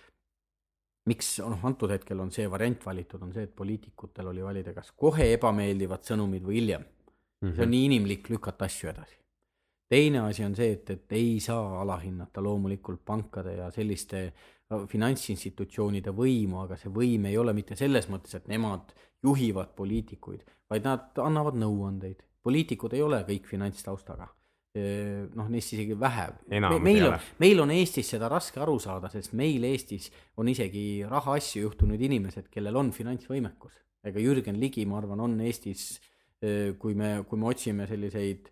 majandusalaste teadmistega inimesi, ma olen kindel, et ta on väga kõrgelt koteeritud ja tunnustatud. Aga paljudes riikides see nii ei ole, et, et noh, et, et, et poliitikud saavad väga palju sisendeid nõustajatelt, saavad nõunikelt ja lõppude lõpuks ju noh, ütleme siis nende nõunike kursavennad on ka need inimesed, kes on pankades, kes on mujal ja noh, süsteem iseenesest iseenda ülevalpidamist tahab, et, et see, see on vaieldamatult üks, üks asju, mis mulle ei meeldi noh, kogu selle probleemi lahenduses, et, et jah, öeldakse küll, et, et me siin, kes on vastu näppe saanud, on pankade omanikud ja nemad, noh, omanikud ikka saavad vastu näppe, aga, aga noh, ma arvan, et panga juhtkonnad võiksid rohkem vastu näppe saada ja, ja jällegi, me ei räägi Eestist. Eestis nagu see ei olegi case tänasel hetkel üldse, aga kui me väljapoolt vaatame, siis loomulikult eh, miks Kreekat allavette ei lasta, on see, et, et väga paljud Euroopa pangad on sinna raha pannud pankade juhtkondade preemiumid sõltuvad nende noh, tulemustest loomulikult nad ei ole huvitatud, et äh, piltlikult öeldes mingi suur miinus äh, bilanssi sisse lööks, sest nende vähemalt mitte tema ametiajal, eks ju. täpselt, ja see, see kõik kaudselt mõjutab, aga noh, selles mõttes, et, et veel kord, et ma ei, ma ei põeks paranoiat, et ma ei usu, et kui Eestis nii, noh, Eesti on nii väike ühiskond, et siin võiks olla, et mingid pangavennad lepivad kokku ja poliitikud ongi nende käpikud, siis noh, mida suurem see süsteem on, seda keerulisem see kõik on, et ma pigem arvan, et see on selline alateadvuslik äh, asjaolude kokkusattumine, et ühel pool finantssüsteem seisab enda huvide eest, teiselt poolt poliitikud otsivad lahendusi ja noh, ega kui te vaatate, kes on Euroopa Keskpangas või kuskil mujal juhtivatel kohtadel, ega need on inimesed, kes on ka kommertspanganduses töötanud. Ja nende mõtlemine, ega nad ei, selles mõttes, et, et äh, selles ei ole midagi pahatahtlikku, aga nad lihtsalt mõtlevadki, kuidas süsteemi elus hoida, sest nad on üks osa sellest süsteemist ja, ja selle süsteemi kasuks kindlasti ei tööta see, kui tuleb selline lihtne lahendus, et mis minu arvates on kapitalismi aluspõhi, et need, kes saavad kasumit headel aegadel, need saavad ka halbadel aegadel kahjumit. selles mõttes, et kui sa ise ei suuda, noh, kui sa teenid kasumi ise, siis see on sinu raha, kui sa teenid ise kahjumi, siis on ka sinu raha. aga mulle tundub, et asi kipub minema selles tantsus, et kasum on pankurite oma, aga kahjum on üleüldine hüve. nii et sellises maailmas ei tahaks olla mida sina soovitaksid äh, inimestele või investoritele, et kuidas praegu segastes aedades ennast kaitsta siin tuleviku eest? ma kindlasti soovitan äh, selles mõttes ise oma peaga mõelda. et äh, ma väga tihti panen tähele, et inimesed ikkagi pimesi usaldavad selliseid tarku nõuandjaid. et et meie, me, me anname küll konsultatsiooni näiteks Davidis, aga me ei anna konsultatsiooni, et mis varaklasside või mille vahel valida, selle tõttu, et lõppude lõpuks see peab inimese enda otsus olema ja, ja, ja meie anname nõu selles stiilis, et kui inimene ütleb, et mulle tundub, et, et peaks kulda ostma, siis me anname nõu, et millist konkreetset toodet võtta, sest noh, on teatud hinna iseärasused ja põhjused, miks mõnda asja ei tasu võtta teatud hetkel ja mõnda tasub ja aga, aga ma nagu või, või kõige õigem on vist öelda, et ma ei soovita finantssüsteemis usaldada võlureid. Neid mehi, kes isi, igal juhul suurt kasu nagu lubavad ja et, et, et kui nüüd inimene ise asjade üle järgi mõtleb, siis ta saab aru, et raha ei teki mitte millestki ja ta saab ka sellest aru, et eh, kui sul on tuhat eurot näiteks, siis sellele tuhandele juurde teenida ka viis protsenti või kümme protsenti aastas, see ei ole nagu selline, mis iseenesest sünnib. et noh, meil Eestis vahepeal tekkis eh, ja siin ma julgen küll finantsasutusi noh, nagu mainida sellise sellise noh, kuidas ma nüüd ütlen, selle, selle tunde tekitajatena, et, et noh, et tooge raha meie kätte, meie teame, kuidas raha juurde teha või nagu võlurid olla, et, et see ei ole tõsi. no selle sõnumiga ja... müüdi nii hoiuseid kui ka neid investeerimishoiuseid. no kõike ja müüdi ka laene ja kõiki asju, et tulge ja võtke, et me anname teile raha ja inimestele jäeti nagu noh, see, see selles mõttes, et ega inimene ise ikka vastutab, see on selge mm, -hmm. aga inimesele jäeti, jäeti nagu see tunne, et, et äkki tal ei olegi pärast kohustust tagasi maksta või midagi, et noh, et siin tuleb mingi õnn ja võlur ja kõik laheneb ja kõik saab korda ja selles mõttes sellist vastutustunnet soov, tunnet soovitaks inimestele, et, et kui nagu noh, konkreetsetelt, konkreetselt mingit vihjet anda, siis ma ütlen, et lugege ajalooraamatuid, vaadake neid asju, mis on ajaloos toiminud, need asjad noh, närvilistel hetkedel, kui nad toimisid viiskümmend aastat tagasi, sada aastat, nad toimivad nüüd ka, sest noh, ei ole äh, noh, kuidas ma ütlen, mitte midagi uut ei ole välja mõeldud, jah, meil on tehnoloogia arenenud, kõik see, aga tegelikult finantssüsteem on ikka täpselt seesama, et, et, et pangandus, kõik see toimib samadel alustel, on juurde tulnud natuke moodsamaid teenuseid, moodsamaid kuidas ma nüüd ütlen, nimetusi, aga see ei tähenda, et süsteem iseenesest hoopis teine on. inimese psühholoogia on ikka sama, nagu ta oli. inimese psühholoogia ja lõppude lõpuks kõik põhineb usaldusel, kõik põhineb usul ja usaldusel ja, ja kui sa, kui sa usaldad või usud nagu valet teenusepakkujat või valet, valet lubadust, siis sa noh, sina oled see, kes kaotab, et selle tõttu tuleb väga, väga rahulikult ja kainelt mõelda. kui ma niisugust, ütleme, sõltumatut, tavainimesena niisugust sõltumatut finantsnõu tahaksin saada, siis kuhu ma tegelikult pöörduma peaks? ega ongi päris keeruline, sellepärast et mina isegi ei oska, ma ei oska isegi arvata, et, et kas on selliseid, sest noh, tegelikult ka need äh, ütleme noh, investeerimisfondid, mis on, et noh, nad ikkagi on, nad ikkagi on ka kõik eh, pühendunud ütleme siis aktsiate ja, ja, ja võlakirjade ja selliste asjade vahendamisel, et, et sellist nõustajat, kes vaataks kogu turgu või kõiki võimalusi, noh, alates, ma ei tea, kullaga, kinnisvara ja lõpetades seal tõepoolest ka aktsiatega et noh, ma, ma arvan, et selliseid ei olegi, et, et, et enamuse nende huvi on, et asi käiks läbi nende kanalite, et, et nad saaksid sealt oma teenustasud kätte ja et noh, mida ei saa pahaks panna, sest nad ju võitlevad ka iseenda koha eest päikese all ja selles mõttes on see arusaadav, aga, aga kui mina täna ise oleksin selline tavaline klient, siis ma ütlen, et kõige lihtsam on ikkagi vaadata ajalugu ja, ja, ja ise mõelda natukene et see investeerimine on joonistatud selliseks või, või kirjeldatud teda sellisena, et, et ta on midagi üle mõistuse keerulist, et ma olen tähele pannud, et näiteks ka aktsiates viimastel aastatel, et, et need, need valdkonnad või sektorid, kus nagu edu tuleb, et need ei ole üle, need ei ole, seal ei ole üleloomulikku protsessi kirjeldust, et noh, et, et ei ole nii, et, et täiesti suvaline asi tõuseb, et ikkagi, kui sa tead, mis valdkonnas on olnud väike selline äh, tarbijapoolne nõudluse kasv, siis sealt valdkonnast on ka head tulemused tulnud selle hetkeni, kuni tarbija huvi raugeb või, või on mingi lagi ees, eks ju, ja ja noh, see, et, et ka aktsiate pooles näiteks toiduainete tööstused ja sellised asjad närvilistel hetkedel paremini elavad, noh, leiab järjekordselt kinnitust selle tõttu, et süüa tahab igaüks, eks ju, kas sul moodsat ülikonda on kriisi hetkel vaja, see võib alati küsitav olla, et, et, et selles mõttes noh, kõiki neid asju saab sellise talupoja mõistusega mõelda, et, et mida teha ja mida mitte. ma, ma ise, mis ma näen nagu ja usun, on, et üks, üks suur viga nagu, mis, mis tehakse, ongi see, et, et ostetakse ennast võib-olla mingisse niisugusesse tootesse või investeeringuvõimalusse sisse, mis nagu aru ei saada.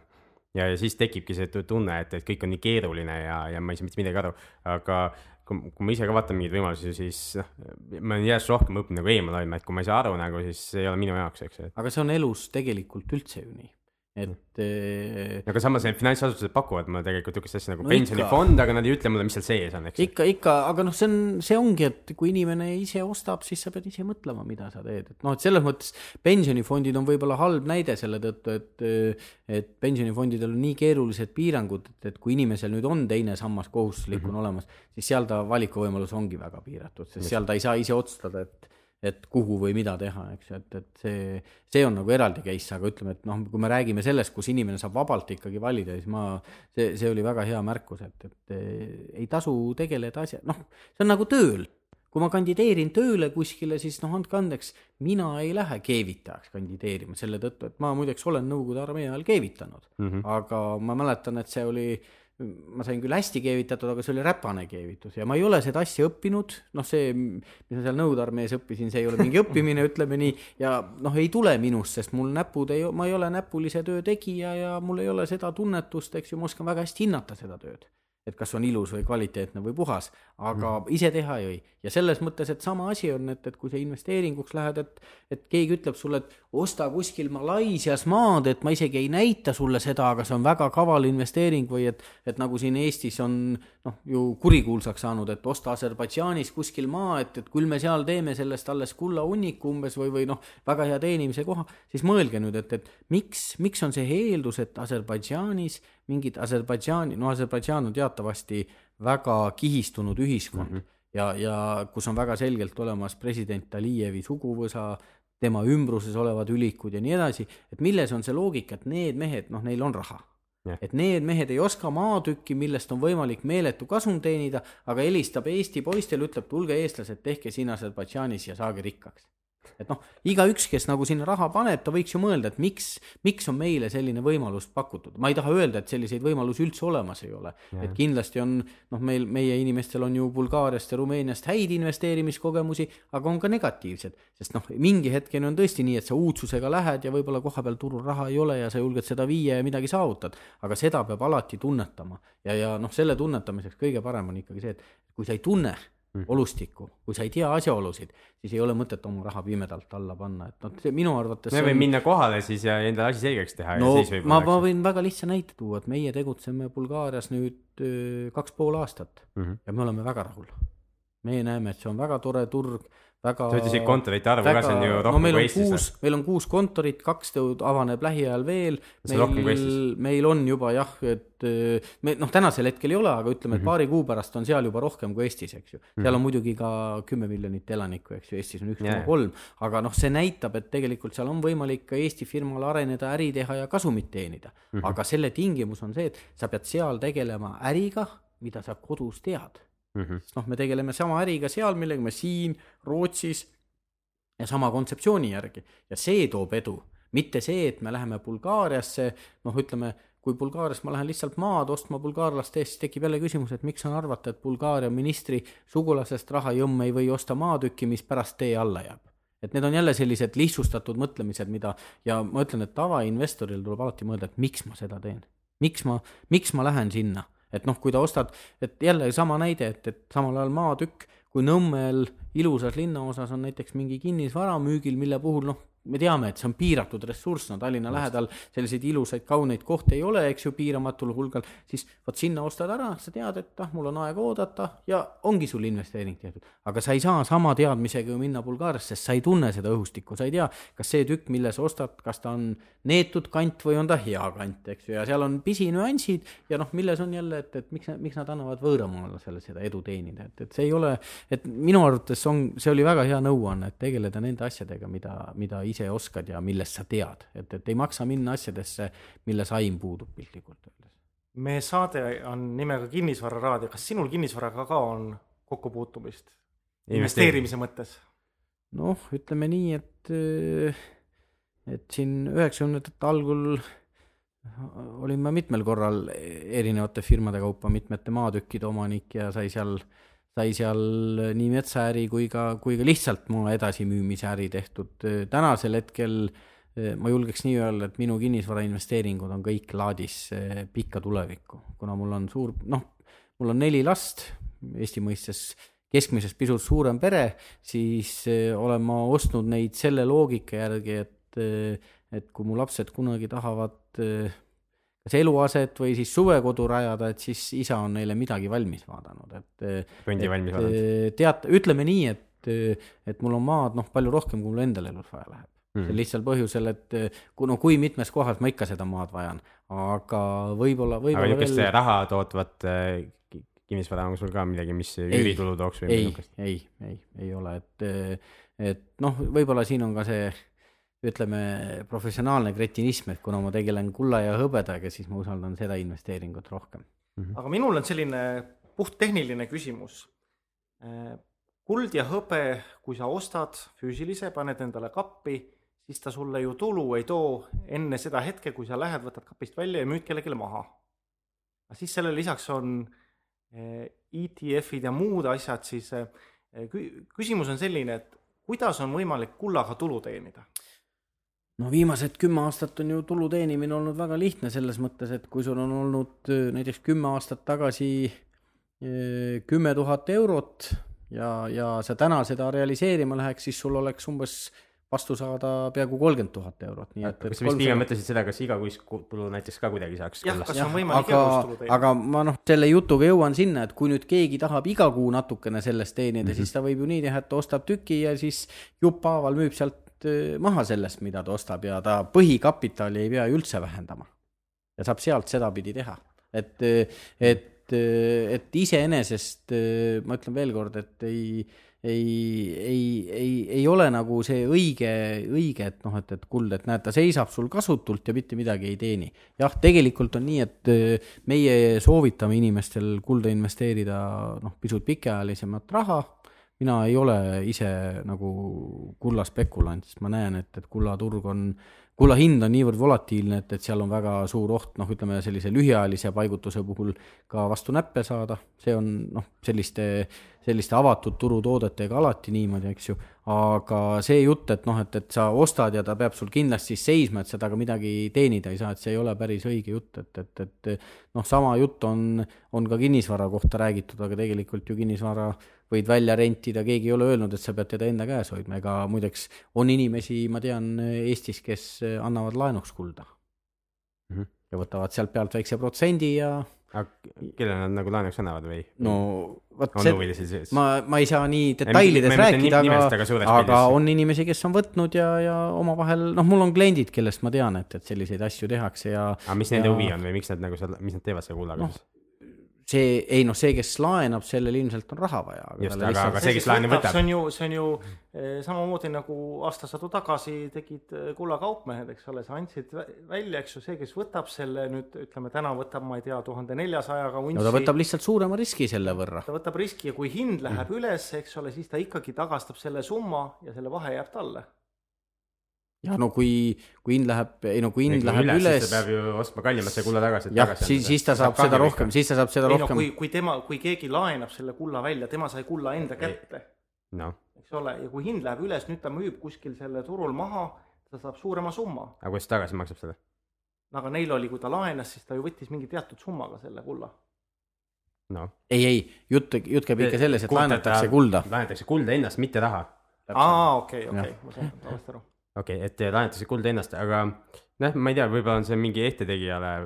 point, eks. ma ei, ma ei oska neid põhimõtteid rääkida, et aga mm -hmm. noh, see. ma ütlen, et. huvitav jälle, eks ju, millest aru saada. iga, iga, igaühel on oma loogika, et noh, võib-olla mm -hmm. mõnel inimesel asendab see seda, et ta läheb panka või SMS laenu võtma piltlikult öeldes, et yeah. seda ei oska. see nagu väljalaenamist ma saan nagu aru, aga ma just üritaks nagu aru saada sellest, et miks ma peaks laenama kellelgi. jah, no see laenumisega on üldse minu jaoks väga ohtlik, et,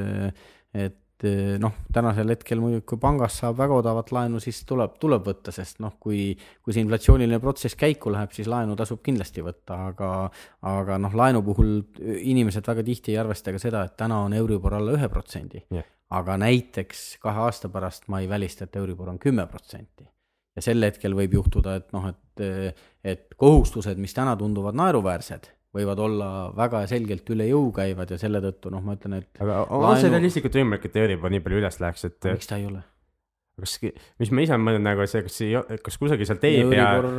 neli-viis protsenti on Euribor olnud, nii et. ongi, aga, aga kui see kusagil seal tee peal nagu kõik riigid pankrotti peaks minema või, sest riigi laenamise asi on ju ka mitte otseselt, aga kaudselt seotud no, nagu see, nende intressidega. no vot, see on, see on keeruline nüüd, et, et lõppude lõpuks raha väärtuse üle otsustab raha omanik mm -hmm. ja, ja laenuandja ja noh, ütleme see Euribor kui ta nüüd objektiivne Euribor on, siis see ikkagi sõltub äh, teatud äh, laenu, laenu keskmiselt ja kui turul tekivad väga selged tüsistused, siis iseenesest mingi kümne protsendi alla olev Euribor ei tohiks mitte mingi imeasi olla selle tõttu, et, et see, mis täna turul toimub, see on anomaalia mm. -hmm. olukord, kus riikidel on vaja, mida? laenuraha saada Just. ja keegi neile ei taha anda ja nad laenavad seitsme protsendiga. ja siis on mingi hea onu onu, ütleme siis onu Mario mm, -hmm. Super Mario Euroopa Keskpangas, kes annab pankadele laenu sisuliselt noh, ütleme väga madala protsendiga ainult Alle, selle jah. jaoks, et nad öö, turgutaksid majandust, eks ju, ja, ja selle tagajärg on see, et, et, et keegi saab üliodavat laenu, needsamad, kes turult ei saa noh, alla seitsme protsendi, eks ju, nemad saavad see, neid skeeme pidi siis ühe protsendiga laenu. see on anomaalia see, see, et täna, kui tegelikult nagu raha on turul puudu mm, -hmm. on rahaomanik selles seisus, kus pangad, kommertspangad ei taha talle maksta isegi kolme protsenti aastas raha kasutamise eest, eks ju. sest noh, jällegi selle onu Mario sellised otseinterventsioonid lõpevad sellega, et, et odav raha valgub igale poole ja seda antakse nagu odavalt, siis noh, tegelikult see on täna anomaalia, et, et see, et euro on odav, mina loen seda maratoni jooksus, maraton on asi, mida ma ise äh, nagu väga hästi tunnen, kuna ma olen päris palju maratone jooksnud ja ma tean, mis tunne on see, kui sul ühel hetkel läheb hästi heaks mm.. ja siis sulle tundub, et tegelikult on kolmandik joosta ja sul läheb nii heaks, mõtled, et oi, nüüd võiks kiirust tõsta ja juurde panna, siis tegelikult see on lõpp. see tähendab seda, et enne lõppu läheb alati heaks. ja tegelikult see tähendab, et seal sellel hetkel, kui hästi heaks läheb, siis tule, ei tule mitte juurde panna, vaid tuleb maha tõmmata ja nagu loota, et äkki õnnestub see nagu järgnev nõrkus ennetada või nagu murda ja minu arvates see, see hetk, on see moment, mida seinaks nimetatakse. praegu, ja noh, see on see seinaeelne hetk on see, kui hea on. Ja sein on siis paar kilomeetrit hiljem. Ja noh, et maratonis loetakse väga suureks kunstiks just seda, et sa seda seina ennetada suudad ja, ja noh, ütleme, et kõige parem on, kui sinna üldse pihta ei jookse, aga et kui ta tulema hakkab, et selle ennetad sellega, et võtadki natuke tempot alla järgi annad mm. -hmm. ja vaata nüüd Euroopas see, mis siin rahadega praegu toimub, see on minu arvates see, mitte veel ei, praegu ei ole mitte sein, sein on see, kui Euribor läheb üles uuesti mm, -hmm. vaid praegu on see hetk, kui kõigil on hästi hea ja kerge, tapnikku tuleb meeletult peale, sest keegi annab sulle seda, mida noh, tegelikult ei ole olemas. no või noh uh, -huh. nii ei saa ka öelda, aga annab sulle asja, mida ei peaks andma nagu normaalses olukorras. ja see on seesama asi, mis nagu noh, ütleme inimese organismis toimub maratoni jooksul, et, et sul on hästi hea, nüüd kõik veel ma olen Eestis ka aru saanud, et väga paljudel on nüüd hea tunne, et võtaks autolaenu ja võtan veel liisingut, et näed, kui soodsalt antakse. täna autoliisingud aga... on ju madalama intressiga isegi kui kinnisvaralaenud no,, seda... kinnisvaralaenud on isegi madalad. seda, seda, seda nagu siin lehtedest olengi lugenud ja, ja noh, seda ma ütlen, et, et see ei ole tegelikult normaalne olukord, see on nüüd anomaalia ja ma arvan, et see anomaalia lõpeb seinaga mm. -hmm. meil on väga hea diskussioon olnud, aga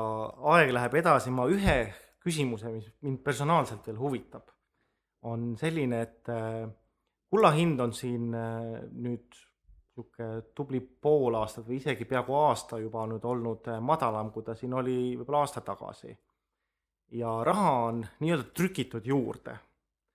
mis on sinu nägemus, miks kuld on nii odav võrreldes sellega, nii, kui palju raha juurde trükitud on? siin on nüüd kõik, mis ma nüüd ütlen, on spekulatsioon, sest tõde me ei tea. aga ma arvan, et üks põhjus on see, et keegi müüb kulda. et eh, see mõjutab kulla hinda, et iseenesest tuleb muidugi öelda, et euros on kuld sisuliselt tiputasemel. et kõigi aegade kõrgeim tase oli eelmine sügis tuhat kolmsada viiskümmend eurot. see oli spot price, eks ole jah, aga Fixi juures oli ka seal tuhande kolmesaja viiekümnega oli untsi, untsi hind ja praegusel hetkel on euros, täna hommikul oli tuhat kolmsada kakskümmend kaks või niimoodi, mõni aeg tagasi oli tuhat kolmsada viisteist, nii et ta on seal paar-kolm protsenti täielikust tipust. ja noh, selles mõttes kuld ongi volatiilne, et, et siin võib olla, et eelmise aasta lõpus oli selline väike noh, mull, et tekkiski meeletu nõudlus ja aga, et noh, sellele reaktsioonina on nüüd kuld natuke alla tulnud, eks ju, et, et kui tähele panna, siis dollaris on see langemine rohkem olnud, aga see on selle tõttu, et dollar on tugevnenud samal ajal, et jällegi need rist, ristkokkumängud toimuvad aga mina kahtlustan, et äh, keegi müüb, et kes see keegi on. aga kas see müük peab olema, et keegi müüb füüsilist asja või võib ka olla selle läbi futuuride? ei, ei noh, kindlasti mõjutavad ka need elektroonilised kullatehingud ja, ja kõik see, et, et noh, siin noh, ma jällegi paranoiat ei põe, et, et mm -hmm. selle tõttu ma näen, ma loen päris palju erialast aja, ajakirjandust ja kirjandust ja ma näen, kuidas seal kirjutatakse, et et noh, nende elektrooniliste kullatoodetega nagu mõjutatakse turgu ja, ja noh, ma ei arva, et selline jõhker mõjutamine toimub, aga, aga ma pigem arvan, et, et kullaturul on mõjutaja, et, et mõni, mõni suurem keskpank või rahvusvaheline organisatsioon müüb oma vara, kulla müüki toimetatakse alati tagantjärgi tihti ei informeerita müügist, tihti informeeritakse, siin mingil ajahetkel suured keskpangad osad müüsid ja teatasid sellest, eks ju. tihti see asi summub sellesse, et mõni suurem keskpank, näiteks Hiina, India, sellised on viimastel aegadel vastuoste teinud ja siis see hinda ei mõjuta, aga praegu noh, tundub, et turul on keegi, kes müüb. ja noh, kindlasti, mis veel mõjutab, on see, et mm, kuidas ma siis ütlen, eelmisel sügisel käis ikkagi mitte kulla mõistes, vaid käis selle äh, Euroopa tuleviku suhtes väga tugev laine nagu läbi. eelmisel suvel oli muideks ka see, kui te mäletate, Ameerika mõjutegur, et Ameerika see võlanorm sai täis ja siis selle koha pealt tekkis veel lisapaanika, et need kõik paanikad nagu võimendasid ja ma arvan, et selle tõttu tekkis ka nagu seal väga tugev jooks, et noh, kui nüüd objektiivselt võtta, siis kulla hind pisut üle aasta tagasi oli ju tuhande juures või alla tuhande isegi, euros untsist mm. -hmm ja nüüd on ta tuhat kolmsada, üle tuhande kolmesaja, nii et noh, see tõus oligi nii järsk, et, et see võib olla täiesti tavaline selline turu rahunemine pärast järsku tõusu, et, et, et noh, kõik need, mis ma välja tõin, on võimalused, aga tõde ei tea keegi, sest eh, kahjuks see tõde, see ei selgu vist ka luurajate valhallas, et, et keskpankurid on veel vaiksemad mehed, et need ei räägi ka seal oma saladusi välja aga eks see aeg näitab, mis ees ootab ja meie lapsed ja lapselapsed saavad seda kõike ajalooraamatust lugeda ja loodetavasti õpivad sellest, mis siin meie oleme läbi elanud. aga Meelis, suur tänu sulle aja eest ja nende tarkade mõtete eest ja ma olen kindel, et meie kuulajad õppisid nii mõndagi sellest. jah, ja, ja, ja kuna see on internetis, eks ju, kuulata seda lindistusena, siis on alati võimalik tagasi kerida ja uuesti kuulata, kui mingi, mõni asi segaseks jäi ja nagu Meelis ütles, siis eh, paljud asjad, mis ta ütles, eks ju, on tema arvamus, et äh, ei tasu nagu neid niimoodi suurelt üles kirjutada või panna kuhugi Facebooki, et nüüd Meelis Adanen ütles, et nii saab olema. kahjuks ei tea meist keegi tõde. aitäh teile. aga aitäh. aitäh, Meelis